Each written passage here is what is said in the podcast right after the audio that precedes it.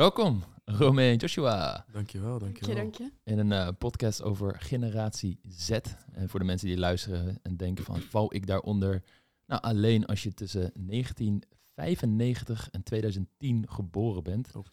Ja, en jullie zijn dat gelukkig. Ja, ja, ja, Anders dan eh, moest ik gelijk nu de straat op om nieuwe mensen te zoeken. Dan houdt het heel gauw op. Ja, dat zou het heel snel Ja, ophouden. Ja, ja, ja. Ehm, ja, want jij bent Joshua in welk jaartal geboren? 2002. Ja. 2002, nu 20 jaar oud. Ja.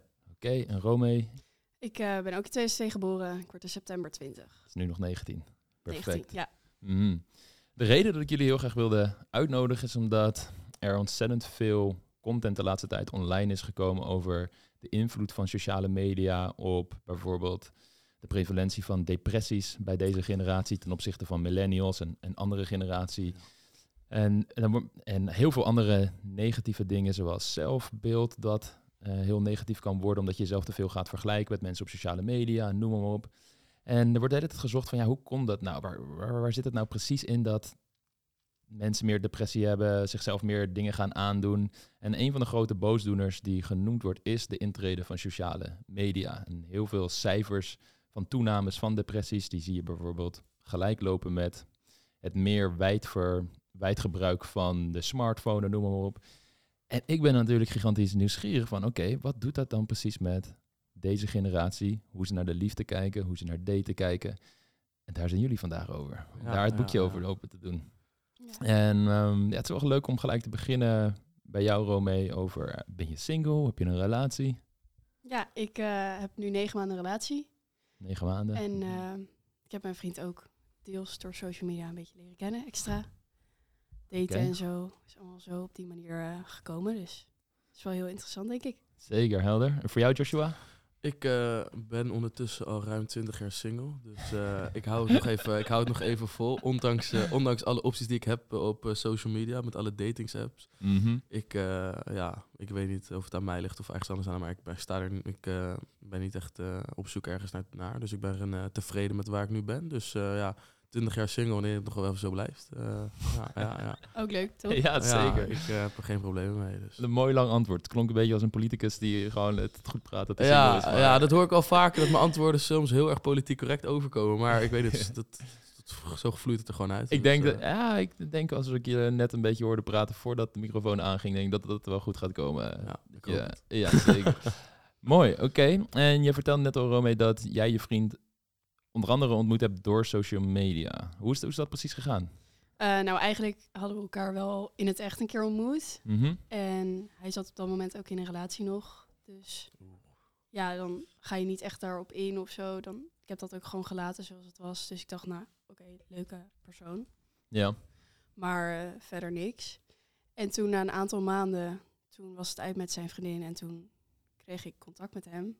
Toen, eh, Ik kreeg een notificatie op je telefoon. dat nou ja, ik werd, ik werd dus gebeld. Het was mijn verjaardag. Ik werd gebeld. En ze van, hey, eh, hey, ik sta voor de deur bij de kroeg. Dus Mhm. ik dacht van, eh, wie is dit? Ik dacht, ja, ik ken die persoon helemaal niet. En ehm, toen uiteindelijk was hij dat dus. En toen hebben we wel gewoon in het echt gewoon gepraat en zo. En toen was er nog steeds niks, want ik wist niet eens dat het zeg maar klaar was. Oké. En toen, toen uiteindelijk via Snapchat hadden we elkaar op Snapchat. En toen eh, gingen we daar een beetje via praten. Dat is best wel een bold move van hem, dat hij je gewoon op je verjaardag belt. En Ja. hey, ik sta voor de kroeg waar jij op dat moment bent. En eh Ja, het was- hi. Ik vierde het ook daar, dus eh, ik had hem helemaal niet echt uitgenodigd of zo. Heb je het er achteraf met hem over gehad? Wat er nou ja, hij wat was zijn waarschijnlijk gewoon heel erg dronken. En, en hij was, op- hij was eh, single, en dus toen dacht hij, oh ja, dat was echt best wel gezellig de ene keer. Alleen, ik Ja. was een not amused dat, dat hij een relatie had natuurlijk. Want waar was die eerste keer dat je hem ontmoet Eh was in diezelfde kroeg. Ah, oké. Ja, ja. Maar dan was het toch wel al een beetje een spark, neem ik aan, van, van tevoren. Want hij gaat niet zomaar jou bellen als het... Ja, ja, zeg maar, ik was gewoon goed met hem. Alleen ik wist niet dat hij een relatie had. Maar er was niks gebeurd of zo. Mhm. Alleen, eh, we hadden het gewoon gezellig. Als, hij dacht Ja. blijkbaar als vrienden en ik dacht misschien net iets anders. Ja, ik denk dat hij wel merkte van, oh, deze dame heeft ook romantisch interesse in mij. Vindt Ja. het leuk. Anders zou hij nooit de bold move maken om zomaar Ja. op je verjaardag bij de ging, kroeg te gaan staan. Zeg maar, ik was wel vrienden met zijn vrienden, maar ik wist echt niet wie hij was. Ah, Dus het was een, we hadden elkaar nooit ontmoet of zo daarvoor. Oké, en toen kwam hij dus op jouw verjaardag. Daar heb je elkaar weer beter leren kennen. En toen hebben die dus een nummer, je nummer had hij al. Ja, Maar nou ja, het was eigenlijk via een vriend. zeg via een vriend. Ja. Oké, maar via Snapchat zijn jullie het contact gaan onderhouden. Ja, het was echt. eh toen kwam. Ja, het was eh, corona weer wat meer en zo. Dus dan kwamen weer meer lockdowns. Dus ik kon niet echt meer naar de kroeg. Ja. Dus toen eh, hadden we wel wat meer contact via Snapchat. Maar hij zag dat ook. Zeg maar, we zagen elkaar wel in het weekend dan. Wel eens op, bijvoorbeeld in de kroeg of Ja. thuis gingen we dan drinken met vrienden. En ja, op een gegeven moment ging je dan ook door de week met elkaar praten via Snapchat en zo. Mhm. En een beetje flirten. Ja, en dat die manier uit dingen. contact. Ja, het grappige is, Joshua zei net nog voordat we begonnen eh, met, de, met de echte uitzending tegen Lisa dat je haar oud vond. Toen dacht ik eh, stil bij mezelf van, eh, nou ja, ik ben één jaar ouder. Eh, maar opa die zal even zijn mond dicht houden. Eh, ik ben 30 overigens, dus het valt nog steeds Zou ik allemaal niet mee. gezegd hebben. Ik zou het je niet gegeven hebben. 30. Dankjewel, dankjewel. je doet het nog goed. Ja. Ja, die steroïden die doen het, eh, die doen het goed.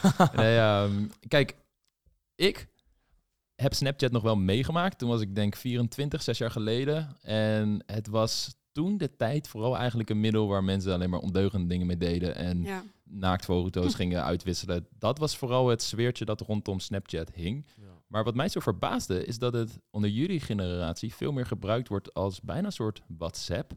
En ik hoorde jou zelfs vertellen, Rome, dat je op het moment dat je elkaar nog een beetje leert kennen via Snapchat contact hebt. En als het dan serieuzer dreigt te worden, dat je dan eigenlijk overstapt naar WhatsApp. Omdat het dan Ja, een soort ja. van, oh, nu wordt het wel serieus. Ja, ja, nu sta je zeg maar tussen mijn moeder in die zegt dat ik moet komen eten. ja. eh, tussen al die gesprekken. ja dat is Eh. echt een ding. Ik denk ehm, dat dat eigenlijk overal zo is. Ik heb hiervoor nog een relatie gehad en daar was dat precies hetzelfde. Pas toen we een relatie hadden, spraken we zeg maar via WhatsApp. Ja, ik weet niet. Ik denk dat het een soort overstap is. Ik weet niet of jij daar iets over kan zeggen. Ja, ik ehm, moet heel eerlijk zeggen dat als ik bijvoorbeeld inderdaad op een Tinder zit of zo, dat eh, een Snapchat geef je veel makkelijker weg. Het voelt ook veel minder persoonlijk. Het is zo van, eh, hier heb je mijn snap en dan Mm. kijk je wel wat je ermee doet, zeg maar.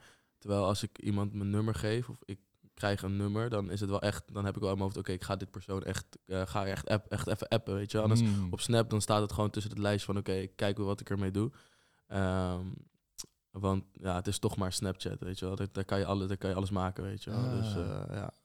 En WhatsApp, daar, eh, ja, daar heb ik dan ook wat serieus. Heb je dan ook over het algemeen serieuze gesprekken of langere gesprekken? Of eh, dan, ja, dan ga ik echt wat afspreken. Ja. Het is voor veel mensen herkenbaar, denk ik, als je bijvoorbeeld op Tinder zit, dat je op een gegeven moment nummers uitwisselt en dat je die platformwissel doet Ja. van oké, waren twee onbekenden op Tinder, nu kennen we elkaar, vinden elkaar leuk, er is interesse, nu zijn we twee virtueel bekenden ja. op WhatsApp.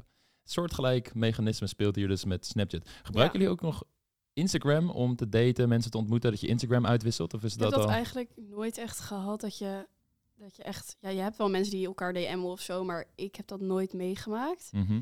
Ik denk dat je wel, het is zeg maar het eerste contact, denk ik, dat je iemand leert kennen. Dat je denkt van, oh, ik ga diegene op Instagram volgen. Van, oh, Ja. die heb ik gisteravond gezien, dat is wel grappig. En dan als je echt wel meer interesse hebt, denk ik dat dat pas naar Snapchat gaat. In ieder geval naar mijn idee.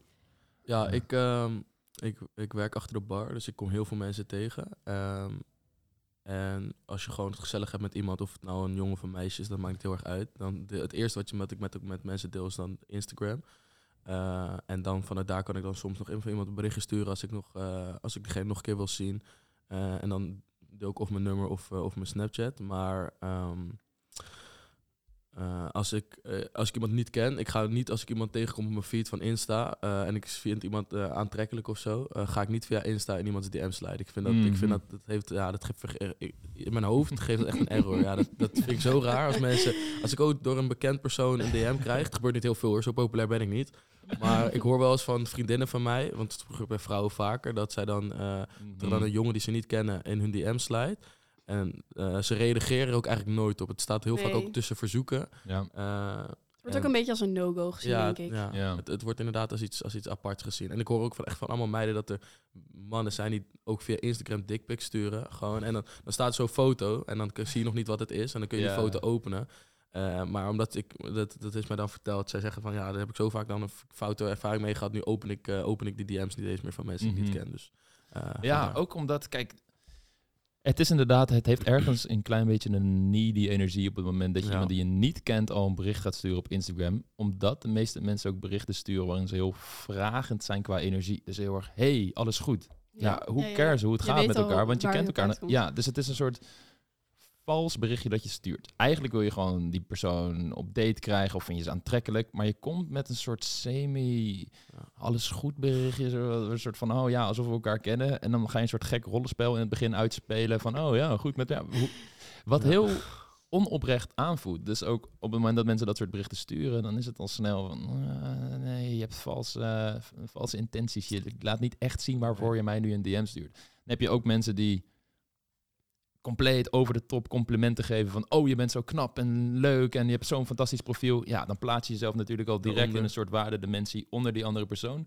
je hebt natuurlijk nog de boys die gewoon echt all out gaan, Ja. een zaakje eh, op tafel leggen, een foto maken en dat sturen. Wat Ik natuurlijk vraag me echt af of het ooit heeft of het ooit is gelukt. Ik kan me niet voorstellen eh, dat, het, dat je daadwerkelijk je doel daarmee bereikt. Tenzij je doel is dat jij je beter voelt of dat jij een bepaald Ja. machtsgevoel krijgt omdat jij een foto van je, eh, van je derde been naar een meid stuurt. Ja. Ik weet, sommige mensen vinden dat gewoon leuk, dat alleen al. Maar ik kan me niet voorstellen dat er ooit een goed gesprek uit eh, voortvloeit. zeg maar. Ja, in de volgende podcast is Mark Overmans hier te gast. En dan gaan we het daar uitgebreid over hebben. of hij Leuk, nog wat ja, tips ja, heeft. maar ja, dat kan niet werken. Omdat Nee. het laat zien dat je zo... Het getuigt van zo weinig sociale intuïtie.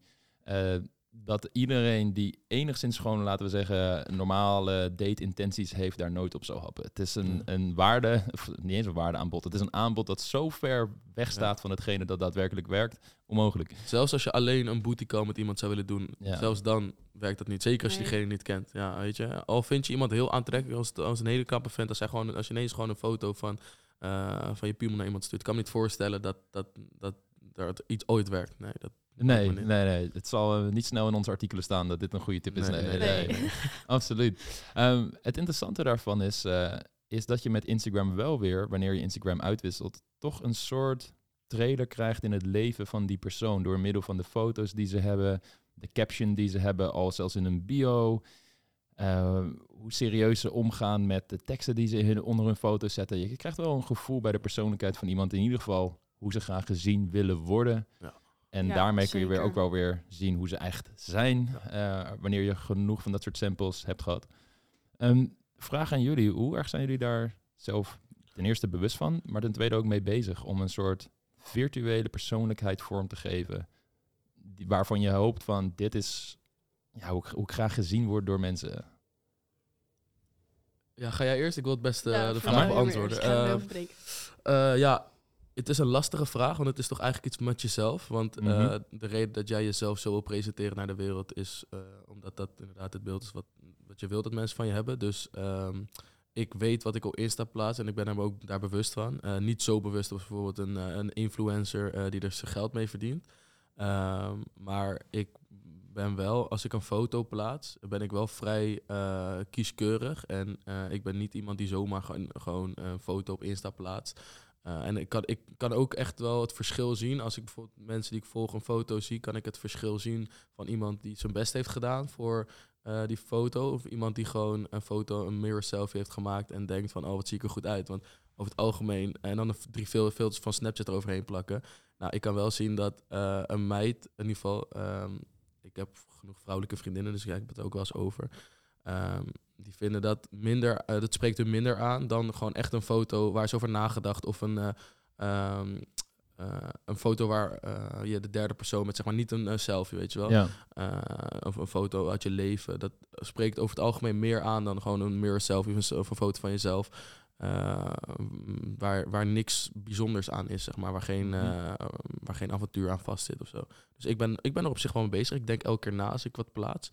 Eh, ik ben ook redelijk tevreden met mijn eigen Instagram. Het is nou niet alsof ik eh, duizend volgers heb of duizenden volgers heb of zo. Dat maakt me ook niet heel erg uit. Maar ik vind het wel leuk dat als iemand mij eh, volgt, zeker omdat ik zoveel nieuwe mensen ontmoet, dat, als zij, dat ze ook meteen zien van oké, dit ben ik. En ja, zo sta ik in het leven, zeg maar.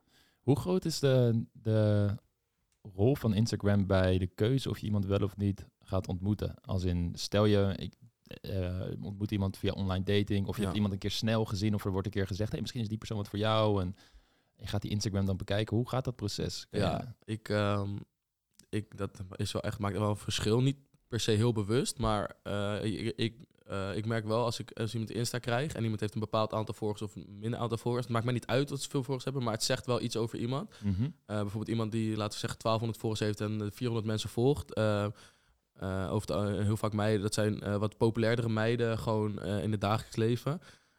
En dat, dat zegt al meteen iets over je. Terwijl je hebt ook mensen die bijvoorbeeld eh 200 eh, mensen volgen en 200 mensen 200 volgend hebben. Dat zijn dan weer mensen, dat zijn echt waarvan, mensen waarvan je denkt, oké, dit maakt het echt niet uit, weet je wel. Dat zijn van, van mensen die, waar Insta echt niet uitmaakt. Ehm, of, je, of je hebt mensen die helemaal geen foto op een profiel hebben, dan vind ik het al een beetje van, oké, waarom heb jij niks staan? Want ik bedoel, je hebt wel gewoon Insta, je hebt niks op je Instagram staan. Eh, ja, ben je dan niet heel trots op jezelf of zo? En dat, dat, dat kan, maar eh, ik vind dat lastig, want ik ben graag met mensen om, om me heen die sterk in hun eigen schoenen staan. Want ik, sta- zelf ook sterk in mijn eigen schoenen. Dus als jij zelf onzeker bent, dat is niet echt de energie waar ik graag mee ben. Want dat, ja, zo, zelf, zo ben ik zelf niet, weet je wel. En eh, ja, dat vind ik dan, als iemand dan niks op zijn Insta heeft staan, dat in mijn ogen geeft dat meteen iets van, eh, je wilt niet eh, jezelf laten zien. Eh, en so- ik weet niet, soms komt dat uit, uit een onzekerheid of soms heb, je, heb je er gewoon geen behoefte aan. eh. Mhm. Maar zo, zo, dat gaat dus wel uh, onbewuste denkproces wat ik heb als ik iemands Instagram krijg. Ja. Ja.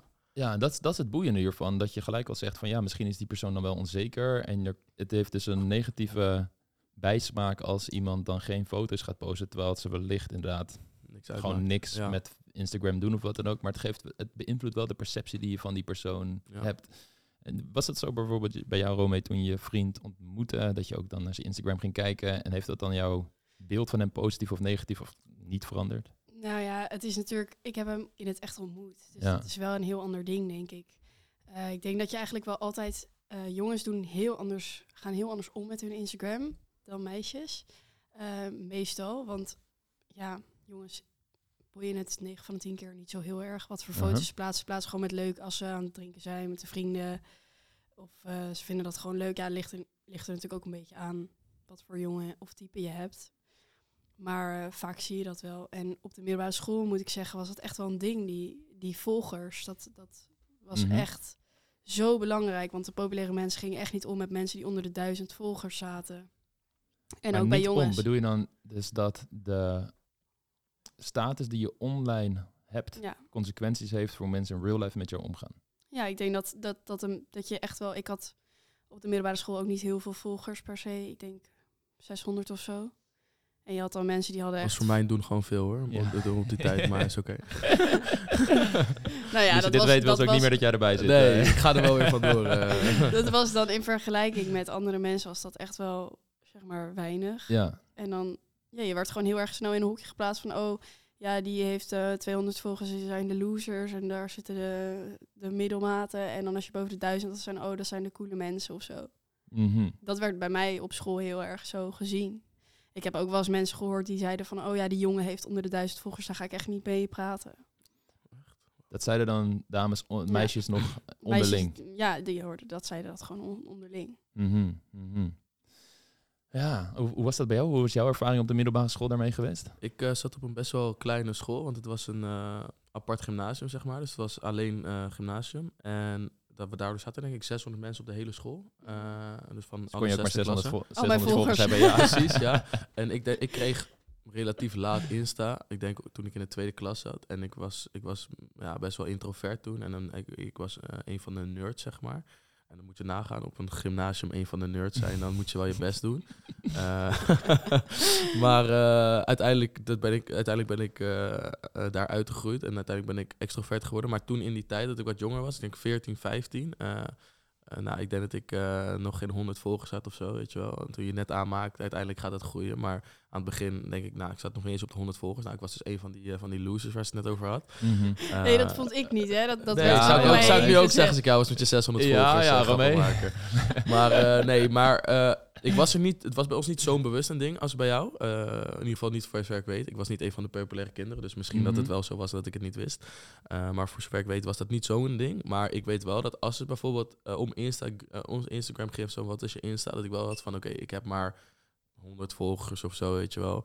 Ehm, ik ga niet, ik ga niet zeg maar rond- rondlopen van, oh, check mijn Insta, want eh, het was wel gewoon van, oh, ik heb maar 100 volgers. Maar had je dan wel foto's?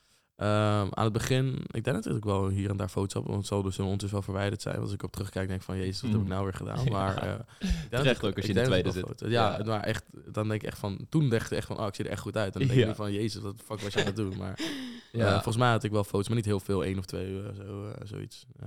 Ja, Ja, dit, maar dit is het, het super boeiende van, van dit allemaal. Kijk, als ik hier naar luister, dan denk ik, ja, waar hebben we het over? We hebben het over volgers. Maar Ja. dat is natuurlijk een soort van het feitelijke ding wat er is. Maar de emotionele associaties die we daarmee hebben en alle consequenties die dat gegeven heeft, het aantal volgers dat je hebt voor het beeld dat mensen van jou maken, maar ook het beeld dat jij van jezelf helpt, hebt, omdat je jezelf weer vergelijkt met andere Ja. mensen die misschien meer of minder volgers hebben, meer likes, Ja. betere foto's dan jou, er misschien beter uitzien. Of dat heeft gewoon een enorme impact op je, zeker op die leeftijd, omdat Ja. je jezelf Absoluut, ja, 24/7 kunt vergelijken met andere Ja, dat mensen. Maar dat heel gebeurde ook echt altijd. Ja. Ook met likes. Gewoon, als ik dan minder dan, weet ik veel, ik weet niet hoeveel likes ik toen allemaal kreeg. Eh, erg. iets van- 600 eh, zo. als ik dan minder dan 60 eh, of, of 100 likes kreeg, dan verwijder ik dan gewoon mijn foto's.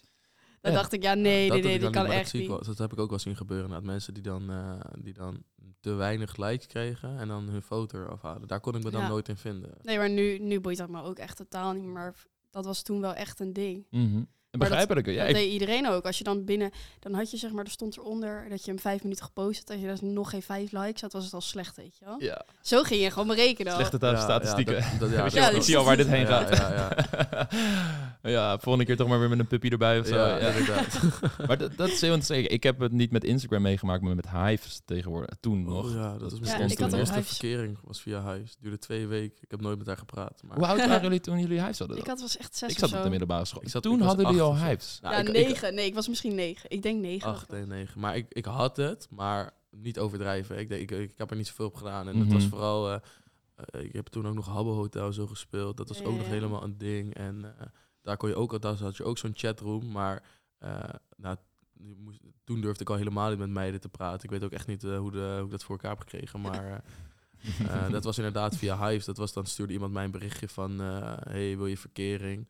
En eh, toen zei ik van ja. En toen twee weken later ging ik naar een andere basisschool. Eh, en toen heb ik haar nooit meer gesproken. Dus Ja, het, het boeiende is, is dat je, als je je hebt vanaf... eigenlijk nog steeds een relatie. Ja, als het net uitgemaakt ja, is. ja, ja, goed, Hier is ze, goed. hey. Dat zou het zijn, hè, als jullie. Kijk, eh, het interessante is dat je vanaf die leeftijd al leert om jezelf te vergelijken op basis van status met andere mensen. Maar vooral sta een soort hele objectieve status die meetbaar is in allerlei punten en likes en hoeveelheid. Eh, wat ik nog weet was zelfs van ja, hoeveel reacties heb je gekregen op het moment dat je jarig bent en hoeveel felicitaties. Ja, ja, Hoeveel ja. krabbels heb jij per dag staan? Eh, je kan op zoveel verschillende manieren jezelf er slechter uit laten zien dan andere mensen. Eh, je Ja. pakt gewoon elke keer wel iets van, ah, maar die persoon heeft dit net weer wat beter dan ik. en Die persoon net weer wat beter. En je traint jezelf dan eigenlijk om heel erg weg te gaan van jezelf en te voldoen aan een beeld wat belangrijk wordt gevonden door de groep waar je in zit. En dat kan je gigantisch gaan beïnvloeden op het moment dat je gaat, gaat daten later op een hele negatieve manier. Dat je een soort van verslaafd gaat raken aan van oké, ik moet eh, mezelf juist gaan presenteren en ik moet snel een berichtje van iemand kunnen krijgen. En, en jezelf ook minder waardig gaan voelen en andere mensen snel op een voetstuk gaan zetten en jezelf heel erg onzeker gaan voelen. Hebben, hebben jullie zelf periodes gehad waarin je dit effect bewust waarnam bij jezelf? Misschien bij vriendinnen om je omgeving. Ja, ik denk dat je altijd wel momenten hebt dat je je vergelijkt met anderen. En zeker ook met influencers of zo. Mhm. Dat je dan denkt van, oh, ja, wat zie ik eigenlijk lelijk uit of zo. Mhm. Dat soort dingen heb je ook wel. En ook wel met mensen om je heen of zo. Dat zij naar super vette plekken gaan op vakantie of zo. Dat was ook wel altijd een ding. Want ik wilde vroeger altijd heel graag op wintersport. Maar Ah. mijn ouders gingen nu nooit op wintersport. Want ja, dat vonden ze gewoon niet echt per se leuk of zo. En iedereen ging altijd om me heen op wintersport. En dan zag je overal foto's. En dan was ik echt de enige die niet op wintersport ging. Maar je zag natuurlijk alleen maar de mensen die dat posten, die daar waren. En de mensen die dus hier waren, die posten bijna niks. Mm. Dus dat soort dingen, dan keek je daar ook wel heel erg tegenop. Van, oh, die heeft het echt leuk. Ja. Zo, ik heb het echt slecht. Zo, Dus je, je voelt je dan ook slecht, soort van. Kijk, ik, zelf, ik, heb het, eh, ik ging ook nooit op wintersport vanaf mijn twintigste. Ik wilde het zelf al heel graag. Toen ben ik zelf daar voor het eerst Ja. naartoe gegaan. Maar het grappige is, ik heb natuurlijk als mijn vrienden op wintersport waren dat nooit meegekregen. Ja, ze waren weg.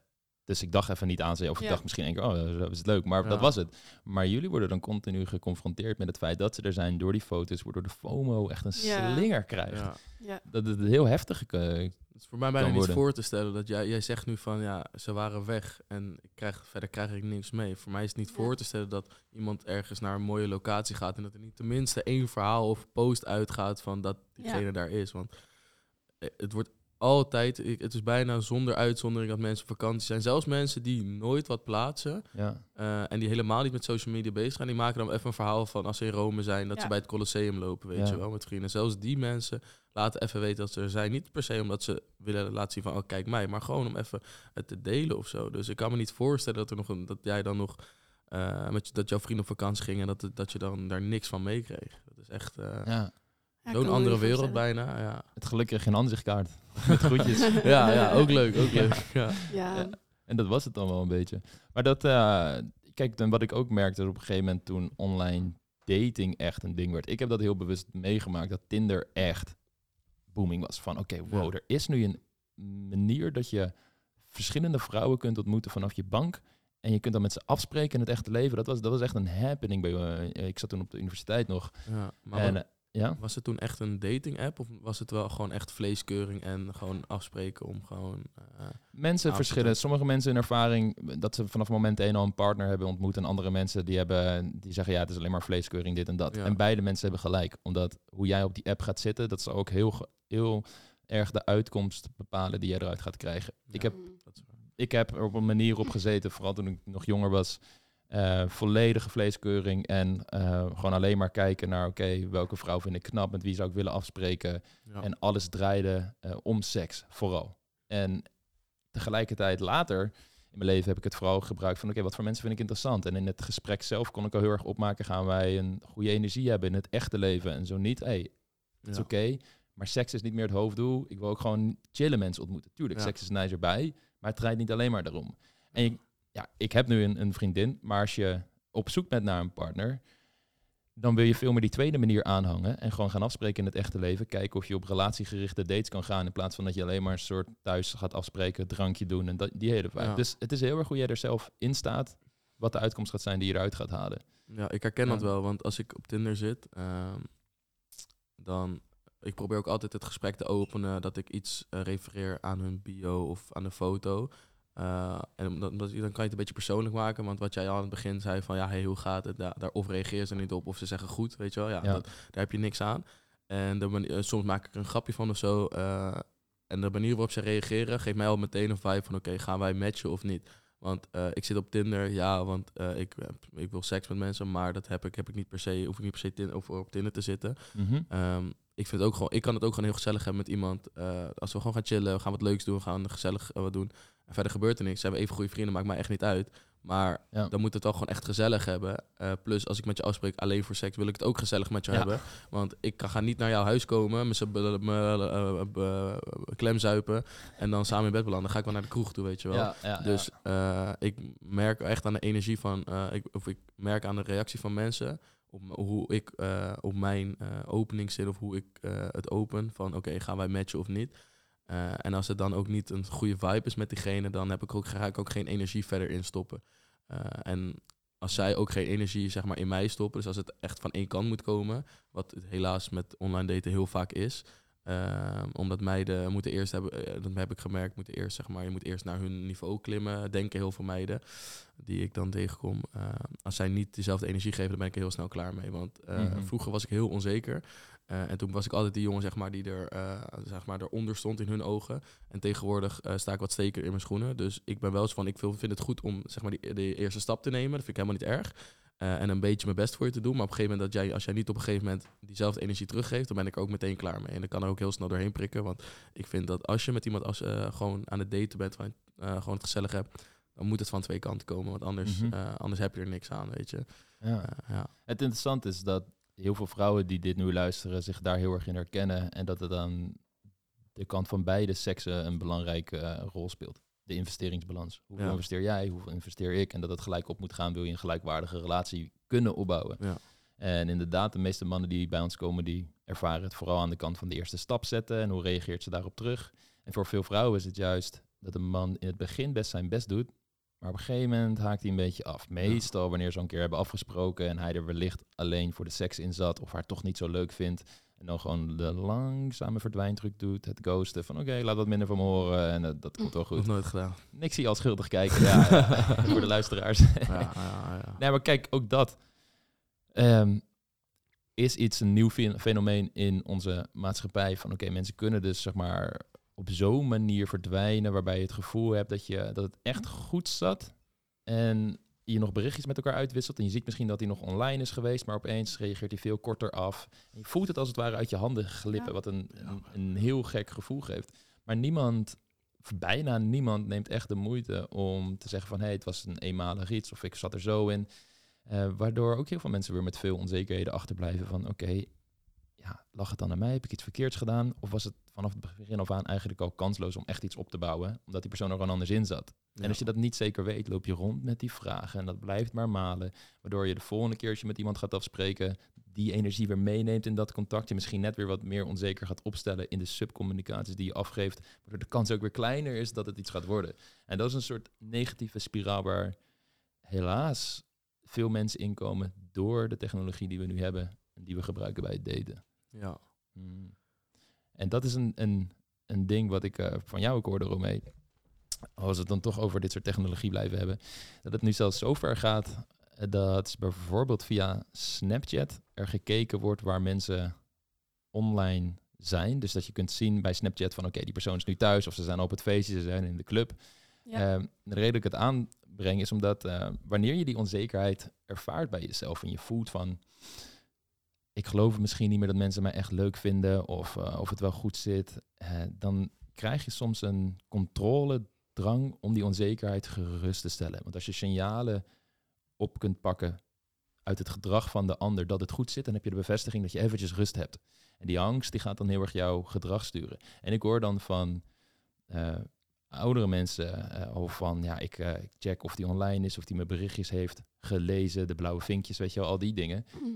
Dat is al een ding waar je zelf helemaal in kunt verliezen. Maar als je vervolgens ook nog eens kunt zien waar die persoon 24-7 is, of in ieder geval wanneer ze de update geven in Snapchat waar een avatar is, dan kun je jezelf helemaal gek gaan Ja. maken en een hele fantasie in je hoofd opbouwen of wat ze aan het doen zijn. En toen ik dat van je hoorde, schrok ik daar best wel van. Eh, ik weet niet of het voor jou ook gaande is, dat je elkaars locatie Ik checken. heb mijn locatie standaard uitstaan, behalve voor mijn broer en mijn zus. Want eh, ik vind het een heel vervelend gevoel dat mensen constant kunnen weten waar ik ben. Niet Ja. omdat ik slechte dingen van plan ben of dat ik iets wil doen, maar ik vind het gewoon niet chill het idee dat iemand constant weet van oh hij is daar Mhm. of hij is daar. Ja. Dus, En bij jou was dat anders, hè, Romee? Ja, ik eh, vertel dat daar best wel streng op wordt gekeken door mensen om me heen. Dat je dan, als je het opeens uitzet, dat je dan gelijk berichtjes krijgt met waarom heb je het uitgezet? Ja. Alsof je dan niet stiekem aan het doen bent. dat heb ik aan het begin ook wel gehad hoor, maar ik heb gewoon gezegd van ja, ik heb, je hebt, er is helemaal geen enkele reden dat jij hoeft te weten waar ik ben. Dus ja, en jongens, meiden, alles. Ik, ik heb mijn Find My iPhone heb ik ook uitstaan voor mijn familie. Eh, alleen op Snapchat heb ik mijn broer, mijn zus en mijn beste vriend. Gewoon, je weet maar nooit. Maar mijn Ja. broer en zus hebben me zo vaak gezegd van ja, waarom heb je het niet aanstaan? Ik zeg van ja, waarom moet jij weten waar ik ben constant? Weet je, ik overleef het wel. Kijk, als ik dood ga, kun je er toch niks aan doen. Dus ja, eh, Hmm. En alsof je dan op Snapchat zit. Ja, we- ja, precies. ja. Hey, ik word nu ontvoerd. Toch even Ja, snel een ja. snap eruit Kijk, gooien. als, kijk, als ik in het buitenland of zo ben op een plek waar het risico groter is, weet je wel, of een festival snap ik, ja, weet je, even locatie aanzetten, prima. Ja, maar, maar dat is dus ook een ding, hè? Ja. Mensen die op vakantie gaan, die opeens hun locaties aanzetten. Daarvoor Dat is echt een ding. Hmm. Je ziet echt, zeg maar, het hele jaar lang zie je dus dan de locatie niet van die mensen. En dan opeens is het zomervakantie of wintersport. Oh, ja. En je ziet, opeens heeft iedereen zijn locatie aan. Want het is super interessant dat jij natuurlijk opeens in een ander land zit. Hmm. Nee, dat is, heb ik ook echt opgemerkt. Dat is ook echt een ding bij mensen. Hmm. Dat gebeurt gewoon, opeens zit iedereen aan zijn locatie aan. Oh, maar wat jij ook vertelde was, stel je bent, het is uitgegaan. En je wilt je ex wellicht terug, of misschien was er een beetje ruzie tussen jullie. Dat locaties ook gebruikt worden als een middel om onder de huid van de andere persoon te komen. Door bijvoorbeeld te laten zien dat je op een plek bent waar misschien een andere dame woont of een ander meisje woont. Waar je wellicht wat mee doet als man zijn. Of andersom als vrouw dat je naar een man toe gaat. Dus dat het zelfs op zo'n manier wordt ingezet om heftige emoties op te wekken bij je ex. Mm, ik denk dat het wel gebeurt dat mensen dat doen. Mhm. Eh, ik heb dat niet zo snel, niet zozeer meegemaakt. Niet zelf, maar Nee, ik niet kan me herinneren niet- dat Niet je zoiets tegen me zei. Ik heb wel meegemaakt dat ik, ehm, dat ik bij een jongen was en dat mijn ex dat zag. Ah, En dat was niet toen we een relatie hadden, toen was het al gewoon klaar. mhm. Maar toen zei hij van, oh, ben je bij hem en dit? Of, of ik was gewoon ergens anders en dan was het, oh, ben je bij dat huis en dit en dat. Terwijl die helemaal niet, niet wist. Maar op een gegeven moment had hij natuurlijk door ja. dat ik daar meerdere keren was. En dat ik ook, ik was daar gewoon heel eerlijk over. ja. En toen eh, was het zo van, oh, daar ben je weer en eh, dit en dat. Toen had ik het uitgezet en dan werd ik gewoon heel vaak gebeld. Ja, ik heb er ook verhalen over hoor. Dan, gewoon vrienden van mij of eh, die dan uit een relatie komen. En dat ze dan nog steeds zo bezig zijn met hun ex. En ik kan me dat gewoon niks bij voorstellen, omdat ik nooit een relatie heb gehad. Of wel niks serieus.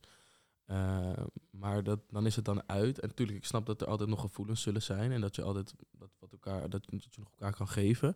Maar dat je dan zo geobsedeerd bezig bent met wat iemand anders aan het doen. met Dat je die locatie gaat checken. Ja. En dan Ja. ook echt bellen van waar ben jij? Van hoezo is het jouw business waar ik ben? Weet je, ik snap dat we een relatie hadden, maar het is uit voor een reden.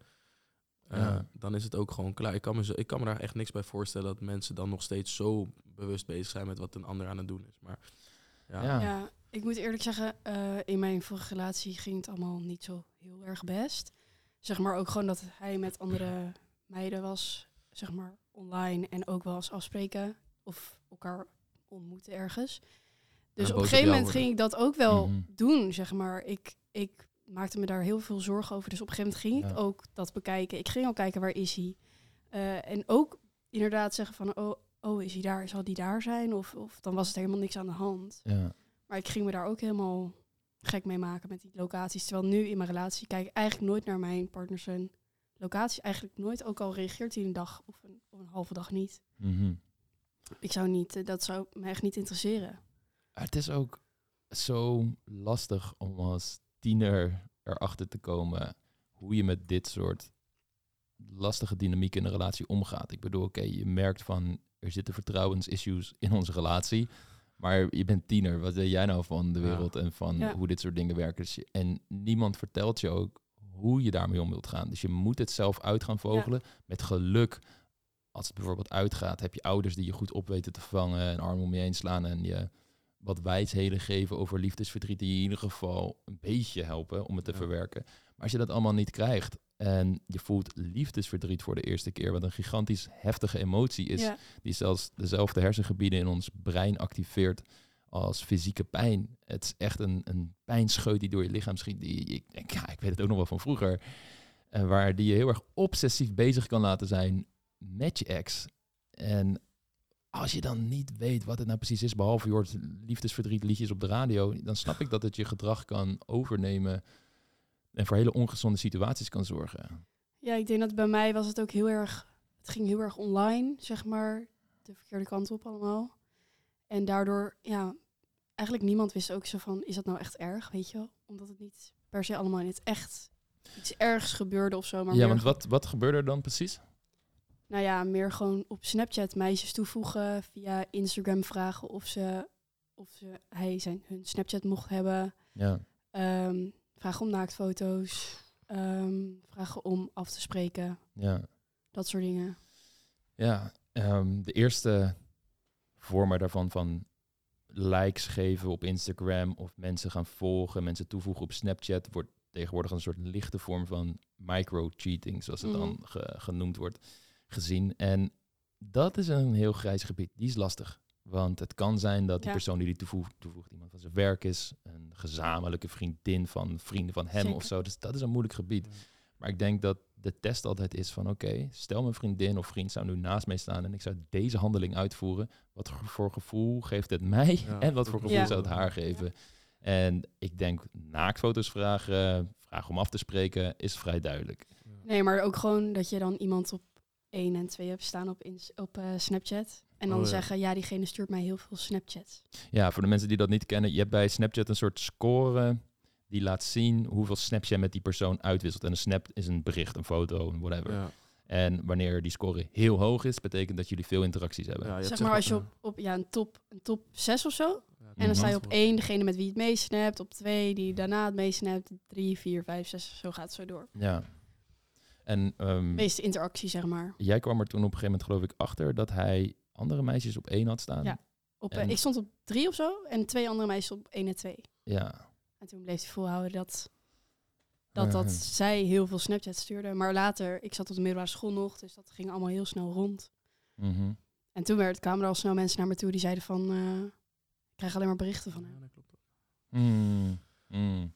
Ken je soortgelijke verhalen? Of Eh, merk je nou, dat vrienden in jouw omgeving met z'n- dit soort dingen worstelen? Ik heb wel eens gehoord, ik weet niet meer wie dat was, eh, een vriend van mij, eh, die eh, had dan een vriendin. En die praatte dan, dat is heel slecht van hem, maar die praatte dan heel veel met andere meiden.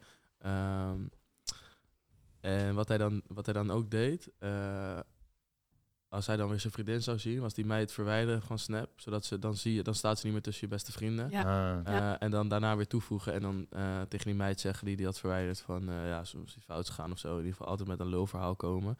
Eh, maar dan ziet zijn vriendin zeg maar niet dat er een andere meid staat. Maar je kunt bij- Snapchat bijvoorbeeld ook zien, als je, als je elkaars beste vriend bent, dus allerbeste vriend, dan heb je Ja. een eh, hartje of zo. En ehm, zijn vriendin kan dus ook zien dat als iemand anders bij hem op nummer 1 staat, kan zij dat ook zien, want dan hebben ze dat hartje niet meer, zeg maar. Dus zij kan het al Ah. zien als Ja. iemand anders eh, daar bovenop sta, bovenaan staat. Maar eh, ja, eh, de relatie is ook vrij explosief uit elkaar gegaan uiteindelijk. Ehm, maar ik moet ook eerlijk zeggen dat eh, hij was wel echt het voorbeeld van hoe het niet moest. Dus eh, Mhm. ik ben blij dat dat zo uit, dat het uit is gegaan. Ik heb dat ook een jaar volgehouden tegen hem dat hij het gewoon uit moest maken. Het heeft twee jaar mogen duren, maar eh, ja, weet je, dat, eh, uiteindelijk is dat zijn, zijn het zijn keuzes. Maar je kunt dus inderdaad heel creatief zijn eh, Ja. met dat micro-cheating. Want uiteindelijk is hij, hij is niet echt fysiek vreemd gegaan, maar ehm, hij wist ook wel zelf dat hij fout zette. En dat geeft hij nu ook wel toe eh, achteraf, zeg maar. Ja. Ja. ja, en dat is denk ik ook het allerbelangrijkste in zo'n situatie. Kijk, iedereen doet domme dingen in zijn leven. En deze kerel heeft overduidelijk bepaalde delen van zichzelf die hij in de spiegel moet aankijken en onder ogen moet komen van oké, Ja. waar Daar- komt daar was dit ik voor. Ik heb mij dat gewoon vandaan? duidelijk tegen hem gezegd. Maar we, we waren, wat is het, 16, 17. Daarom. Dus eh, Ja. je luistert ook niet echt. eh, Dat is bij mij trouwens ook hoor. Ja, ja, voor veel mensen. ehm, maar voor sommige mensen zitten in soortgelijke situaties en dat zet de toon voor de rest van hun romantische relaties. Het is heel erg afhankelijk ook van wat voor mensen jij om je heen hebt, uit wat voor je gezin kom je en wat zijn de normen en waarden die je daarin hebt meegekregen. Wat voor extra negatieve gebeurtenissen in jouw leven gebeuren er nog. Want als je opeens wat extra negatieve staf meemaakt, kan het voor meer stress zorgen, waardoor je weer vaker in oude patronen blijft hangen. En ik herken het uit mijn tienerjaren dat ik ook een vriend had die veel vriend ging bij zijn vriendin. En toen de tijd zeiden we ook tegen me, ja, het kan eigenlijk niet. Maar ja, het is ook mijn vriend. Ehm, ja, wat, weet je wel, wat moet ik doen? En je bent ook tiener, dus ja, nogmaals, wat weet jij nou van Ja, de wereld? ja. Je hebt ook geen flauw idee. Je denkt dat je alles weet, hè? Dat is, Ja. eh, dat is wel zo. ja, ja, zeker. Eh, het lastige is wanneer mensen daar op latere leeftijd nog steeds in blijven hangen en nog steeds bezig zijn met, oh shit, ehm, is die online geweest? Heeft die mijn berichtje gelezen en niet direct gereageerd? Chat die met andere vrouwen? En wanneer die patronen zich nog steeds blijven ehm, ja, volharden, zeg maar. Hebben jullie nu bijvoorbeeld op jullie leeftijd mm, bronnen waaruit je leert hoe je met relaties kunt omgaan. Wat de principes zijn die je liefdesleven succesvol maken. Hoe je, zoals je bij wijze van spreken eh, de stelling van Pythagoras leert op de middelbare school. Dit zijn soort wiskundige principes die de basis, het fundament vormen. Wa- Wat zijn jullie bronnen voor, voor liefde en daten?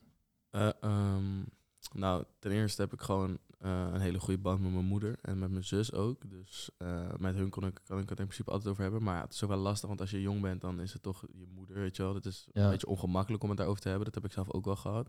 Maar ik heb van haar wel gewoon de basis qua normen en waarden meegekregen als het gaat om omgaan met vrouwen. Dat hoop ik in ieder geval. Dat ik, er zullen vast meiden zijn die het daar niet mee eens zijn. Maar eh, volgens mij heb ik nog re- me redelijk eh, goed gedragen. Maar het klinkt weer heel erg. Maar nee, volgens mij, volgens mij doe ik het nog redelijk oké. Maar ehm, ik denk dat ik toen ik 15 was of zo, nou, rond die leeftijd, waren er ook allemaal YouTube-kanalen. Ik zou echt niet weten hoe dat, hoe dat heet. Dat kan ik niet zo voor me halen.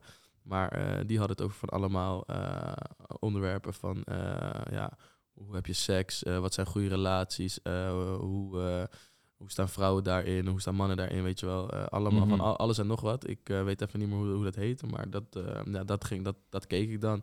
Ja. En, en niet eens per se omdat ik er naar op zoek was, maar dat komt dan langs. En ik, oh, ik ben wel benieuwd, laat eens kijken.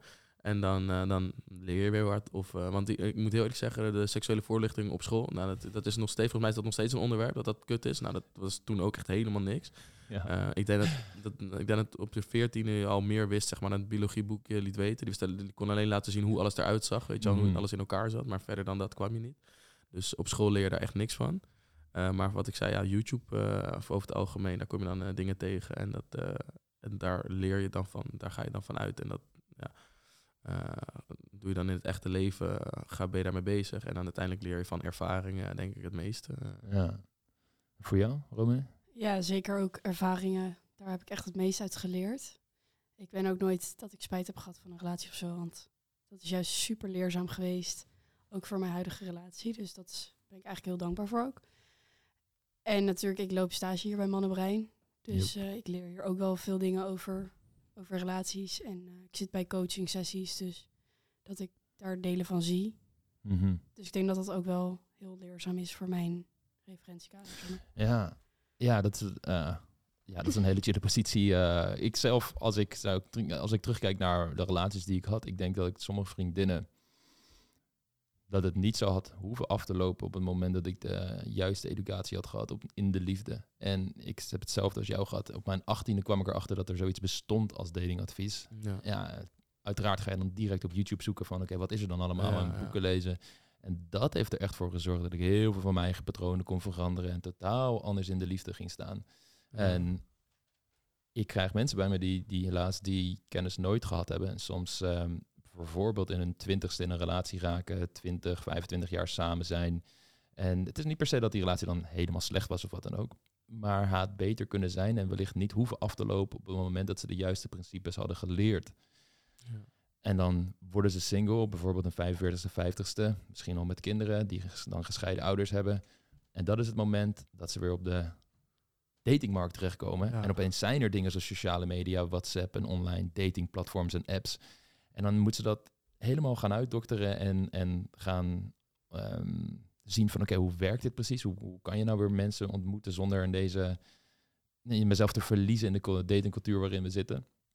En wat ik dan heel vaak denk is van, ah, dit is zo zonde. En hey, soms is een relatie gewoon ten einde en is dat het beste voor beide. Dat kan gebeuren. Soms groeien mensen uit elkaar. Dus het is niet erg om uit elkaar te gaan. Maar ik denk dat wanneer we jullie generatie en de generatie die daarvoor zit, beter helpen om de juiste principes in te leren, dat we een hele hoop narigheid kunnen voorkomen. Ja. En dat zou mijn allergrootste wens zijn, dat die informatie die jij bijvoorbeeld via YouTube hebt gekregen, dat dat op een andere manier tot jou gebracht wordt. Want jij Ja. hebt geluk gehad dat je die YouTube-filmpjes bent gaan kijken. Maar wat Ja. als je dat niet hebt? ja, dat is waar. Dat is het grote probleem. Ja, want ik hoor tegenwoordig ook dingen als eh, relatietherapie. en ik vraag me dan echt af hoe dat werkt. Want wat jij nu zegt over eh, dat je de basis verkeerd leert, ik heb daar überhaupt nooit bij stilgestaan, zeg maar. Want als ik dan hoor relatietherapie in mijn hoofd is, dan, dan is het al te laat, weet je wel. Ehm, dat denk ik dan, hè. Maar de, Mhm. Er zullen vast genoeg, eh, zoals jij dat eh, zegt, er zullen vast oplossingen zijn en eh, dingen aan werken. Want jij zegt van, er zitten in de basis dingen fout en die kan je dan oplossen. En misschien dat, het dan, dat de relatie dan wel weer goed kan komen. Ehm, maar als we even teruggaan naar wat jij net zei, als je op je 45ste single wordt, of 50ste. Mijn moeder die is al heel lang single. Die, mijn ouders zijn uit elkaar gegaan toen ik drie maanden was, denk ik. En sinds dat ik sinds kort zeg maar dat ik wat ouder ben, heeft ze het wel eens over dat ze over wat ze deed qua daten. Maar ja, ze was een moeder van drie, eh, drie jonge kinderen. Ja. Op de dertigste werd ze single, 33ste. Dus het was voor haar ook lastig. Je kan niet echt nieuwe mensen ontmoeten als je zo druk bent. Want ze had een fulltime baan als Absoluut. docent en ze heeft drie kinderen. Dus ze heeft eigenlijk, totdat ik 18, 19 was, had ze helemaal geen tijd om nieuwe eh, liefdes te ontmoeten. Eh, ze heeft hier en daar het wel geprobeerd, vertelde ze, maar het is nooit echt wat geworden. Eh, en zij vertelde mij laatst ook dat ze op een dating, eh, dating site zit. En ik vond, ik, ik, ik, ik vond het helemaal gek, weet je wel. In mijn hoofd was een dating site is echt voor jonge mensen. Ja, Eh, staan we er nog goed op? Of, jullie staan er zeker goed op. Ik check hem even, ja. Oké, nee, maar ehm, mijn, mijn moeder heeft ook door mijn moeder Ja. vertelde me ook ehm, dat zij is opgelicht via, of mijn, via een dating site. En dat hoor je ook veel vaker. Want eh, oudere, Mhm. oudere mensen, of nou, mijn moeder eh, ouder, eh 45, 50 plus, eh, die dan niet helemaal weten hoe dat in elkaar zit, eh, hoor je steeds meer verhalen van. Die worden dan eh, een soort Prince Charming beloofd. Eh, en die worden dan via zo'n site opgelicht, waardoor ze ook weer een beetje bangig worden voor dat hele online eh, datingswereld. Maar En- wat gebeurt er dan? ja, ik weet natuurlijk, ik weet de details niet, eh, maar eh, gelukkig is het bij mijn moeder niet zo heel heftig geweest. Maar ik heb, hoorde, heb ook verhalen gehoord van mensen die dan echt voor honderden tot duizenden euro zijn opgelicht. Omdat het, dan ontmoeten ze iemand online, dat is dan een beeld van iemand. Oh, En, eh, maar die woont dan in het buitenland, Ja, zeg maar. ja. En dan eh, Ja. geld betalen om daarheen te komen of even eh, ergens mee te helpen met een probleempje, weet je wel. Je bent dan al helemaal verliefd op het idee van diegene. En het blijkt dan helemaal niet die persoon te zijn. Eh, en mensen van die leeftijdscategorie van mijn moeder en eh, wat ouder, die eh, zijn er daar ook echt bang voor. eh, dat ze dan iemand tegenkomen dat, waarvan ze denken, oh, dit is echt de wereld. Maar dat ze dan achterkomen dat het een heel ander persoon is eh, in het echt. Ja, het bekendste voorbeeld daarvan is natuurlijk de Tinder-swindler. Die Ja. Laat zien hoe een man die verdacht veel weg heeft van een sociopaat slash narcistische Ja. Hoe die heel gemakkelijk empathie kan inzetten om mensen te manipuleren, zodat ze geld naar hem over kan maken, Ja. naar hem overmaken. Zodat hij een levensstijl kan leiden die materialistisch heel fijn is, ja. maar gigantisch emotionele schade achterlaat voor alle mensen met wie hij Alle in mensen. contact Ja. komt. Bizar, ja. Heel bizar. En dat zijn een van de dingen die laat zien van dat het een soort van hele negatieve kant van sociale media en online dating apps heeft, omdat het mensen ook in staat stelt om op nieuwe manieren mensen te manipuleren en te beïnvloeden. Dus dat is zeker een, eh, een onderdeel daarvan. En waar ik denk dat het allemaal om draait, is dat mensen dat in ieder geval goed doorhebben, maar ook heel duidelijk weten van oké, hoe ziet een veilige, liefdevolle relatie eruit? Want er zijn wel degelijk signalen die je kunt opdoen waaruit blijkt van dit is in ieder geval een groot risico hoe deze persoon nu met mij Ja. in contact staat. Wat je vaak ziet bij dit soort relaties, vooral bij opluchting, is dat het vrij snel gaat en heel intens en Ja. grote romantische Ge- gebaren van oh je, wij passen zo goed bij elkaar, we zijn zielsverwanten en wij moeten samen zijn en ik mis je zo, terwijl je die persoon misschien één keer hebt gezien.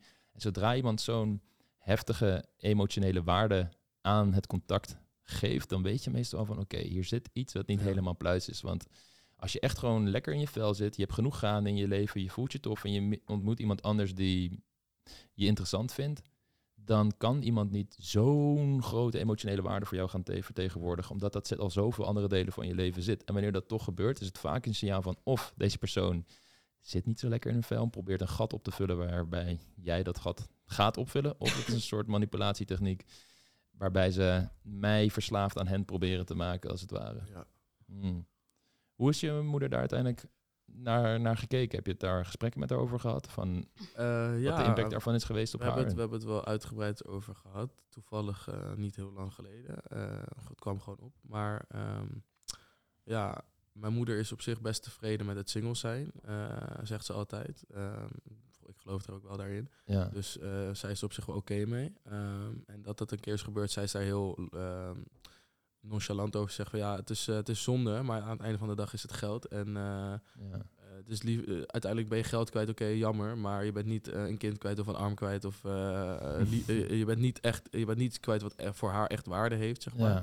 En gelukkig zit zij dan in een eh, financiële situatie waar ze het dan net kan missen. Het is niet zoveel veel geld hebben, maar Ja. het kan ook zijn dat, je echt, echt, dat het echt je laatste paar honderd euro's waren waar je je brood of je huur voor moet betalen. Dat was dan gelukkig niet het geval. Ehm, maar Dat is een mooie reframe van haar kant, dat ze de situatie in ieder geval een plekje geeft en niet een Ja. Nasleep laat geven die haar van dag tot dag, dag in dag uit nog steeds een negatieve manier beïnvloedt. Nee, precies. En toen ze dat vertelde, ja, ik, ben, ik, ik heb dan, ben ik best wel trots op een hele, hele sterke moeder daarin. En eh, dat heeft ze dan ook meegegeven aan mij en ook aan mijn zus. Want mijn zus heeft wel al zes jaar een relatie bijna. En ik zie daar ook echt in eh, dat, ze- dat echt vanaf het begin af aan was. Ze stond zo super sterk in haar schoenen. En ze heeft er vanaf de vijfde een relatie. Dus eh, nou, dan heeft ze het toch goed gedaan. En ze is nu Ja. 21. Dus eh, ja, dat heeft, eh, heeft ze goed haar best voor gedaan. Maar terug naar mijn moeder, ja. Ehm, zij, eh, zij, zij, zit, zij zit er nog gewoon goed in. Zij zegt van ja, als ik iemand tegenkom, dan kom ik nog iemand tegen. En als dat niet zo was, dan is het, dan, dan was het, is het niet zo bedoeld. Ja. En dus ja, zij blijft daar heel nuchter onder. Mhm. in principe. Ja. Ja, het is een interessant iets. ehm, omdat op het moment wat ik, wat ik vaak zie bij mensen die bij me komen voor coaching, dat op het moment dat de kinderen allemaal het huis uit zijn, dat dan de betekenis die ze haalde uit de rol van moeder zijn en hoe die haar daginvulling van dag tot dag vulde, opeens een stukje wegvalt. Tuurlijk, je bent altijd de moeder van je kinderen, je zal altijd voor ze zijn, ze komen nog steeds over de vloer. Maar je gaat opeens wat vaker echt alleen zijn. En dan soms ook in een groot huis ga je dan merken van... Oké, ik mis hier iets. En dan kan het gaan knagen. En wat helemaal niet betekent dat je direct eh, een ongelukkig gaat zijn of wat dan ook. Er zijn nog steeds creatieve manieren waarop je dat kunt opvullen. En prima single door je leven kunt gaan. Maar dat is vaak het moment dat mensen het weer gaan proberen. En zoiets hebben van, Ja. oké, kinderen zijn groot. Dan kunnen we eigen benen staan. ook even, eh, Mama tijd. doen, ja. ja, Mm. ja. Ehm, terug naar ehm, jullie generatie die aan het daten zijn. Daarvoor zijn jullie hier immers. En hoe gaat het dan nu als je iemand net ontmoet? Je hebt diegene op Snapchat eh, toegevoegd. En hoe verloopt dat dateproces? Hoe zien jullie dat voor je? Nou, meestal gaat het gewoon dat je gaat praten in foto's. Dus je gaat niet per se typen. Ja, het ligt er een beetje aan. Maar meestal heb je gewoon gesprekken. Meestal in de avond een beetje als je dag voorbij is. En overdag stuur je wel wat foto's van wat je aan het doen bent. Mm. En dan in de avond komen er meestal wat gesprekken. Of soms reageer je op iets wat iemand stuurt. En of, vraag, je- of stuur je een beetje iets waarop iemand kan reageren. Ja, Dus een beetje op die manier ga je een soort van gesprekken, een soort van hopen dat daarop ge... groot je hengel uit, Ja, wat en kijk, eraan. kijk of er ge- ge- gehapt ja, wordt. gehapt Ja. wordt, ja. Ah, oké. Een beetje op die manier, denk ik. Ik vind dat dus zo'n vreselijke eh, tactiek. Nou, tactiek wil ik het niet, misschien niet noemen, maar gewoon...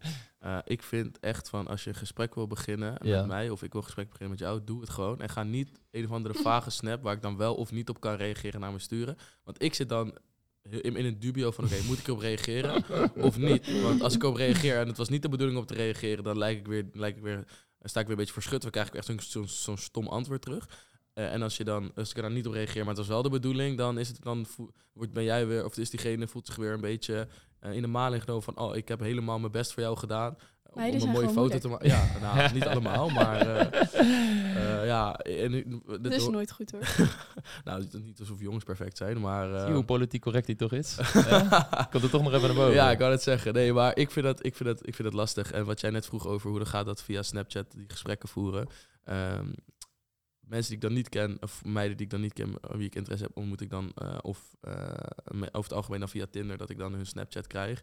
Eh, en ik eh, moet heel eerlijk zeggen, ik ben single, dus ik heb dan best wel veel eh, mensen die ik dan, waar ik mee in contact kom, niet dagelijks vijf mensen of zo, maar als ik in een maand bijvoorbeeld vier, vijf nieuwe mensen, nieuwe meiden tegenkom met wie ik praat, ja, soms vergeet ik te reageren of begin ik het gesprek niet. Niet omdat ik het niet wil, maar ik heb ook gewoon een druk leven. En ik heb wel heel erg gemerkt dat zij dan ook het idee hebben dat ik daar niet genoeg moeite in stop. Eh, wat, in, wat op zich ook wel het geval is, maar dat is niet bewust. Dat is meer omdat ik eh, het heel druk heb. Eh, en als wij niet al van het moment één een goede klik hebben, dan ben jij niet direct een prioriteit in mijn hoofd.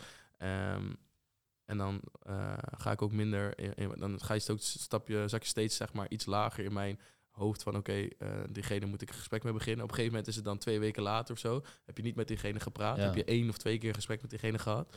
En dan was misschien heel leuk. Maar eh, na die twee, drie weken dat je eigenlijk geen contact meer hebt, gaat dat ook niet meer echt iets worden eh, eh, eigenlijk. Wat je hier zegt raakt de kern van wat ik altijd tegen vrouwen zeg. Namelijk, als een man niet naar jouw berichtjes blijft sturen op een consistente basis, ben je geen prioriteit in zijn hoofd. En precies wat jij nu aangeeft. Je kunt best een klik met iemand hebben en die persoon interessant vinden. Misschien zelfs een beetje leuk vinden. Ja. Maar dat betekent niet automatisch dat jij toegewijd bent om er een relatie van te maken. Of in ieder geval te onderzoeken of dat erin zit. En soms sturen ze jou dan een snap waar je weer positief op reageert. En je hebt Ja. weer even een leuke interactie. En vaak geeft dat dan weer de hoop van, oeh, kan het toch nog wat zijn? En het is oké ook om zo'n snap of een berichtje te sturen om te testen hoe die andere persoon erin staat. Maar als jij altijd degene bent die dat initiatief moet nemen, en Ja. heel af en toe krijg je iets terug, dan is het de grootste signaal dat jij er met grotere verwachtingen in staat dan die andere persoon. Ja. Hoe vinden jullie dat op het moment dat je dan wel voor iemand wil gaan, hoe ga je dan om met al die andere contacten? Oh, ik moet zeggen, ik heb eigenlijk nooit meerdere contacten. Ik heb altijd, zeg maar, ik heb dan een relatie gehad, dat was mijn eerste persoon. ook mooi politiek correct antwoord hier. Nee, ik geloof nee, je, ik geloof je. Dus dat was, had ik één persoon. En daarna heb ik nog met iemand gewoon gezellig. Mhm. Maar toen had ik ook niemand anders eigenlijk daarnaast. En daarna had ik mijn vriend. Wat zijn je verwachtingen van hoe, hoe zou jij het ehm, vinden dat een persoon daarmee om zou moeten gaan? Wat zou ideaal situatie zijn? Oeh, dat is wel lastig. Ik denk dat je gewoon eerlijk moet zijn. En dat je gewoon duidelijk moet zijn dat je ook met iemand anders bent. En dat je daarvoor wilt gaan. Of dat je daarmee een relatie hebt of iets. Mhm. Ik denk dat dat wel belangrijk is ook voor je nieuwe relatie. Want anders blijft diegene altijd wel een soort van happen. Ja, en het Of- proberen. ja, en, of het proberen. want die weet het immers niet. Nee. Nee. Ja. Mhm. Ehm, nou, dan zou ik hem misschien wat minder politiek correct antwoord Juist, geven. ik, we. eh, nee, ik heb wel meer, meerdere contacten op hetzelfde moment. Eh, soms alleen praten, soms ook seksueel contact. Mhm. Eh, over het algemeen, eh, als we dus echt eh, seksueel contact gaan hebben, dan ben ik wel vanaf dag één van...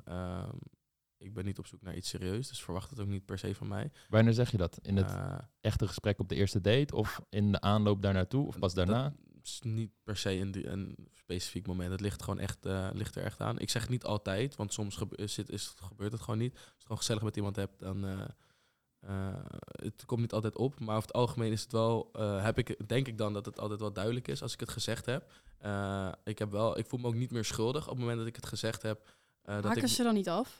Eh, nee, want als zij, als zij ook alleen dat willen, dan denk ik van oké, dan is het alleen maar prima. Maar heb je dat wel eens meegemaakt dat iemand zei van oké, eh, Nee, eigenlijk niet. Maar eh, dan heb je wel geluk denk ik. ja, misschien, misschien dat ik geluk heb, maar het gebeurt, Ja. het gebeurt vast wel. Maar ehm, eh, ik, eh, ik weet niet, ik heb nu op dit moment eh, wel gewoon gezellig met mensen, maar eh, niks serieus.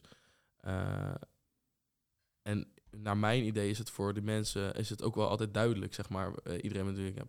Ik, ik zit niet nu met acht verschillende mensen dat ik aan het goochelen ben of zo. Eh, maar ik heb nu niet het gevoel dat als ik iets met iemand anders doe, of met iemand, als ik nu met tijdens uitga met iemand zoen of me- met iemand naar bed ga, dat er iemand eh, zit waar ik me bij moet verantwoorden of zo. Eh, Ja, ja kijk, eh, het interessante wat ik, hier, wat ik hier vooral aan terughoor is, je, bent, je probeert in ieder geval zo duidelijk mogelijk te zijn vanaf moment één. En ja. er gebeuren vaak één of twee dingen.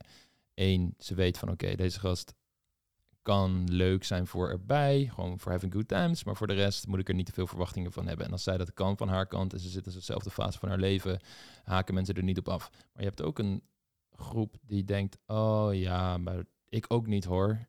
Eh, maar misschien dat het in de toekomst gaat veranderen en dat ze toch blijven investeren in dat contact. En dat je merkt ook als man zijde van, oh, zij begint wel meer te voelen volgens mij, maar ik heb gewoon gezegd wat ik, hoe ik er echt in zit. Dus het is ook een beetje haar verantwoordelijkheid als ze toch met mij blijft appen. En ja, eh, seks is goed. Ik vind er wel leuk. Het is ook wel gewoon gezellig. We hebben gewoon een leuke tijd als we samen zijn. Dus eh, ik blijf er wel gewoon zien. En dat zijn vaak de situaties die voor veel moeilijkheden zorgen. Omdat beide kanten eigenlijk niet echt eerlijk zijn over intenties. Die dame moet gewoon vanuit komen. hey, ja, als, er, als je geen relatie meer wil, dat is fijn. Maar dan ga ik verder, want dat is hetgene wat ik wil. En de man zou meer eh, empathie kunnen hebben voor haar situatie. En niet zeggen van, oh, oké, ik heb het gezegd. Want vaak geven mannen het ook niet super helder aan. Maar is het een soort van, ja, ik ben er misschien niet klaar voor of zo. Dus ja, vond ik, maar wanneer ben je dan wel klaar voor? Het zijn heel veel grijze gebiedjes daar nog omheen. Ja, En die nemen geen verantwoordelijkheid voor de consequenties van hun daden. En hebben zoiets van, oké, ik heb het wel een soort van aangegeven dat ze mij wil blijven zien. Ook een beetje Maar ik denk dat er ook een soort stukje hoop blijft altijd. Want ehm, zeg maar, toen ik met mijn vriend een beetje ging daten, nou, niet eens daten, maar gewoon in het weekend zagen we elkaar dan en het was ook een beetje friends with benefits. Toen, ik vond hem ook veel leuker dan hij mij. Mhm. En hij zat ook zo van, ja nee, ik moet niks en ik wil, ik wil het niet. En, eh, en uiteindelijk eh, was het toch gelukt. Mm. Dat ik toch mijn zin kreeg. Heb je dus aan ik hem denk dat er soort van die hoop altijd blijft. Dat je denkt van, ja, maar ik heb toch niks te verliezen. Want dan is hij tenminste wel nog soort van bij hem. Ja, er zijn er heel veel vrouwen die dit verhaal horen en denken, zie je nou wel? Niet naar die Matthijs luisteren met, eh, als hij dat niet wil, dan moet je het opgeven. Nee, maar kijk, eh, weet, je, weet jij nog het moment, of heb je het wel eens aan hem gevraagd, of hij het moment weet dat hij een switch hij dacht van, nou, misschien zou dit toch wel kunnen. Mm, dat is lastig. Ehm, ik denk dat ik hem wel daarop heb aangesproken. Dat ik zei van ja, ik weet niet. Ik vind het eigenlijk best wel moeilijk. Ja, En dat ik soort van ja, ik had er gewoon een hele andere verwachting van dan hij. ja, Hij dacht gewoon, oh, dat is niks, dat is gewoon leuk. En toen ging op een gegeven moment ging die. ehm, ja, we hadden allebei gewoon nog Tinder, want het was allemaal nog niet echt serieus. En toen, eh, toen zag ik, hoorde ik dus dat hij ging afspreken met een meisje. Toen was ik wel echt dat ik dacht, fuck, hier zitten gevoelens, nu merk ik dit het. is kut. Ja, En toen, eh, ja, toen, toen was ik daar wel een beetje pissig over. En dat heb ik ook wel naar hem uitgesproken dat ik dat echt niet chill vond. Mhm. Omdat ik zeg maar niet zomaar met iemand seks heb of zo. Dus ik zei dat ook wel van ja, ik vind het wel gewoon. En dat is zo interessant, want dat is van tevoren niet uitgesproken. Dus jij hebt assumpties over dat contact die nooit ergens daadwerkelijk expliciet werden gemaakt. Tot er Mhm. iets zich voordoet wat eh, niet in lijn was met jouw assumpties. En dan is er een heftige emotie, maak je dat kenbaar aan Ja. iemand. En dat is natuurlijk zoveel met daten, dat er zoveel gebaseerd is op verwachtingen van een persoon Ja, die wel of niet tegemoet gekomen worden. En de andere persoon kan totaal andere verwachtingen hebben. ja. Hij heeft misschien zoiets van, ja, maar hier hebben we het nooit over gehad. Dus je hebt Ja. niet echt een recht van spreken. Nee, ik had dat ook niet. Zeker niet op dat moment. Eh, maar ja, als je elke week met iemand bent en met iemand gaat, zeg maar, Precies. dan en dat denk is je wel van, oh, volgens mij is het wel meer dan. Dat is het stukje sociale zo, ja. intuïtie dat hij moet hebben om de inschatting te maken van als ik dit gedrag vertoon richting haar, zijn waarschijnlijk dit en dit en dit de verwachtingen die daaruit gaan komen, die je mag verwachten. Ja, Eh, en dat is ook, denk ik, met menselijke sociale interacties, dat we natuurlijk heel veel voorspellingen doen over de relatie die je met een andere persoon hebt, niet op basis van wat jullie daadwerkelijk met elkaar hebben afgesproken. Nou, wij zijn nu vrienden en dat betekent dat ik, eh, als ik in een Ja. probleem zit, mag ik jou bellen. En zo. Nee, dat zeg je Ja. niet. Maar je gaat ervan uit omdat je het soort concept van daten of vriendschap in je hoofd hebt. En daar heb je allemaal assumpties Ja, bij ja. die je dan gewoon projecteert op de situatie. Maar Hmm. we hadden het net over generatiekloof. Was dat toen jij zeg maar jonger was ook al zo? Dit is eh, universeel. ja, oké. Ja. Maar dit is niet, ik weet niet, eh, je hebt niet gemerkt, want jij bent natuurlijk datingcoach, dat het erger is geworden vanwege, eh, we hadden het over de sociale Hmm. media. Nou, ik denk dat er meer gevallen van dit zijn. Dus dat het, een, ja. dat het is toegenomen in hoeveelheid, maar niet per se dat het erger is geworden als in ehm, dat er vroeger niet van dit soort verwachtingen waren. ja. En dat zeg ik omdat mensen, zoals je zelf al zei toen je nog echt jong was, een relatie had met een meisje dat je nog nooit had gezien. Nou, dat was geen, kan er geen relatie noemen, maar dat was meer zo'n basisschoolverkering. Maar, Precies. eh, Maar kijk, dat is, dat is natuurlijk heel schattig ja, nog en noem maar ja, op. ja. Maar dit hebben mensen ook als ze gewoon 50 zijn. Ze hebben iemand online ontmoet, gaan weken met die persoon chatten, Ja. misschien zelfs al bellen, bouwen een hele fantasie op over hoe het met die persoon gaat zijn. En krijgen er allerlei verwachtingen bij. Terwijl ze die persoon nooit gaan zien. Of misschien één of twee keer zien en dan op basis van die ontmoetingen nog een half jaar kunnen rechtvaardigen dat ze achter die persoon aan blijven lopen voor zichzelf. Dat kunnen ze allemaal rationaliseren van het was toen Ja. zo leuk, ik kan hem nog niet loslaten. Want wat nou als ik dat leuke moment vaker kan herbeleven en het echt een relatie kan worden. Ja. En dat is het gevaar van online iemand ontmoeten en niet letten op hoeveel die persoon in jou investeert. En ook gewoon niet weten hoe je van een ontmoeting tot een liefdevolle relatie in persoon gaat. Wat die stappen zijn, wat de, de, ehm, de daadwerkelijke uitingen zijn van iemand die serieuze intenties heeft. En wanneer je dat niet helemaal helder hebt, namelijk bijvoorbeeld dat hij je meeneemt op dates buiten de slaapkamer en buiten de bar, maar dat je ook echt dingen gaat doen die je als stel wellicht zou doen. Ehm, dat hij niet zomaar een week verdwijnt, ondanks dat hij je druk heeft. Ja, hij heeft vast druk, maar hij kan ook nog eten en drinken. En Hij kan waarschijnlijk ook nog wel zijn vrienden zien. Dus eh, niemand heeft het te druk voor de persoon die hij echt belangrijk wil maken in zijn leven. Dus er zijn heel veel van dat soort dingen waar je op wil letten. En zelfs als je doorhebt wat die dingen zijn, dan is het alsnog dat jij emotioneel in staat moet zijn om ook de grens te trekken dat als iemand er niet aan voldoet, dat je die persoon loslaat. Ja. En dan kom je vaak bij hechtingstijlen, bij trauma die iemand heeft meegemaakt, waardoor ze ze niet lekker in hun vel zitten en genoegen nemen met de behandeling die ze eigenlijk niet verdienen. En dat is het hele onderliggende spel van daten, wat je aan de oppervlakte niet ziet, maar wat wel een grote rol speelt bij de uitkomst die je gaat krijgen. Ja, je denkt, man, ik ben nog jong, veel te jong voor deze Ja, stap. Nee, nee, ik vind, het, ik, vind, ik vind het goed dat je dat zegt. Maar het is inderdaad het is een hele het is een flinke, flinke hap die daar eh, even neerlegt. Ja, het Ja, en het is ook geen hap die je met eh, ja, even een weekje oplost of zo. Dit zijn patronen die je idealiter, zoals ik het dan zie, waar je over dus gaat leren als je misschien eh, tiener bent, begin twintig, dat je in ieder geval in aanraking komt met dit soort dingen, omdat, je, omdat dat ook nog een heel erg sterke vormende periode is voor je eigen identiteit, hoe je in relaties gaat staan. Dat je in ieder geval vanaf weet en dan die patronen bij jezelf gaat waarnemen, zodat je in de twintiger jaren nou, hier in de Randstad hebben nog niet heel veel mensen dan kinderen. Dus je hebt ook nog geen consequenties ten opzichte van kiddo's die daar ehm, negatieve gevolgen van hebben van de slechte besluiten die hij misschien gaat nemen, omdat je nog Ja. te weinig weet. Dus je hebt dan ook echt een periode waarin je kunt experimenteren, kijken wie je zelf bent, wat je prettig vindt. En als je dan eenmaal iemand vindt, is het voor, hoe ik het zie, het beste voor jouzelf, voor die ander en de hele maatschappij aan zich. Dat je weet wie je bent, wat je prettig vindt, hoe je een relatie onderhoudt, hoe je moeilijke gesprekken met elkaar hebt op het moment dat het niet lekker gaat, wat jouw triggers zijn, waar die vandaan komen, hoe je staf die je trauma's of pa- patronen, thema's die jij weer van je ouders hebt meegekregen, daar weet van te ontkoppelen, zodat je dat niet weer in jouw relatie gaat projecteren, zodat die relatie ook de grootste kans van slagen heeft, zodat jouw kinderen uiteindelijk ook weer een stabiele basis hebben thuis en dat weer voor de hele maatschappij uiteindelijk een ripple effect gaat hebben. Ehm, wat nog steeds niet zegt dat het dan altijd soort van 100% goed gaat. En als je dat. En als dat bij jou niet lukt, dat het dan automatisch fout is of wat dan ook. Maar ik denk dat het wel een mooi iets om in ieder geval naar te streven. Ehm, omdat het wel, wat we ook uit de psychologische literatuur hebben, weten, een groot effect heeft op de ontwikkeling van kinderen en het zelfbeeld dat ze hebben, eh, hun emotieregulatie. Wanneer ze gewoon een stabiel gezin hebben, waar een liefdevolle relatie tussen de ouders is en tussen de ouders en de kinderen. Dat dat hen het meeste gaat helpen. Ja.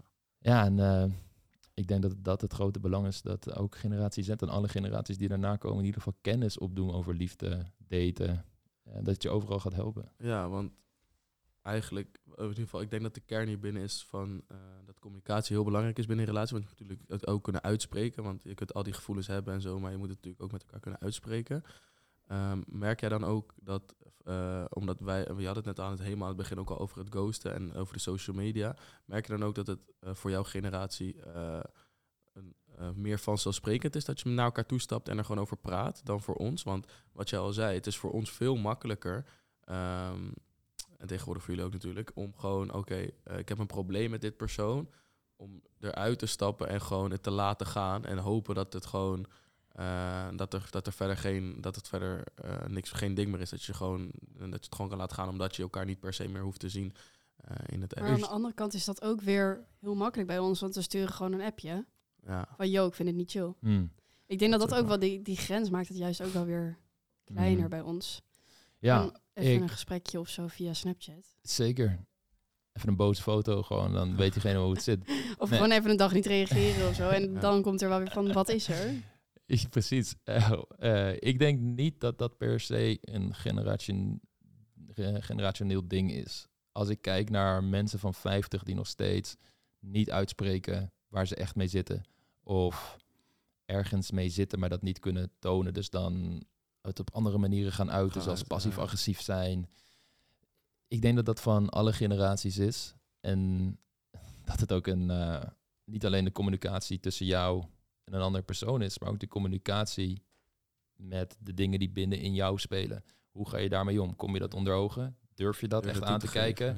ja. Eh, durf je daar hulp bij te zoeken? Kun je ook inzien dat als je andere mensen consistent pijn doet en dat je vaker reacties krijgt van ah, ik vond dit niet chill, dat er wellicht iets is dat jij moet veranderen. Ben je daartoe in staat om dat in te zien en toe te geven aan jezelf? Of hou je altijd maar de façade op dat, eh, dat het toch echt aan die andere mensen ligt, want zij hebben ook dingen fout gedaan? Ja. Daar zit het volgens mij vooral. En ik denk niet zozeer dat er een groot verschil is tussen, de, tussen die generaties. Nee. Ja. Ik eh, wil jullie in ieder geval heel erg bedanken voor dit gesprek. Ik vond Ja. het ontzettend interessant om jullie ehm, brein onder de loep te nemen. Wat er allemaal speelt in generatie Z en hoe jullie daten ervaren. Wat er allemaal, eh, wat er allemaal bij speelt. Ja. Ehm, ja, blij dat jullie met open aan tafel wilden zitten en, eh, ja, ja, ja. en dit wilden delen.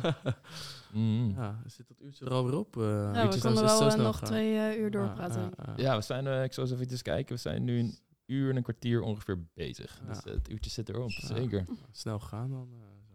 Ik heb jullie eh, attentie langer kunnen vasthouden dan tien, de 10 seconden die daarvoor ja, staan normaal. heb Dus, je, dat heb je toch goed gedaan. Dan zal je werk toch nog goed doen. Hè? Dan, eh, Gelukkig. Nou, met die mooie ja. woorden dat ik mijn werk goed doe, ga ik deze podcast Helemaal afsluiten. goed, dankjewel. Heel erg bedankt dat jullie er waren. yes, ja, bedankt. Yes. Eens.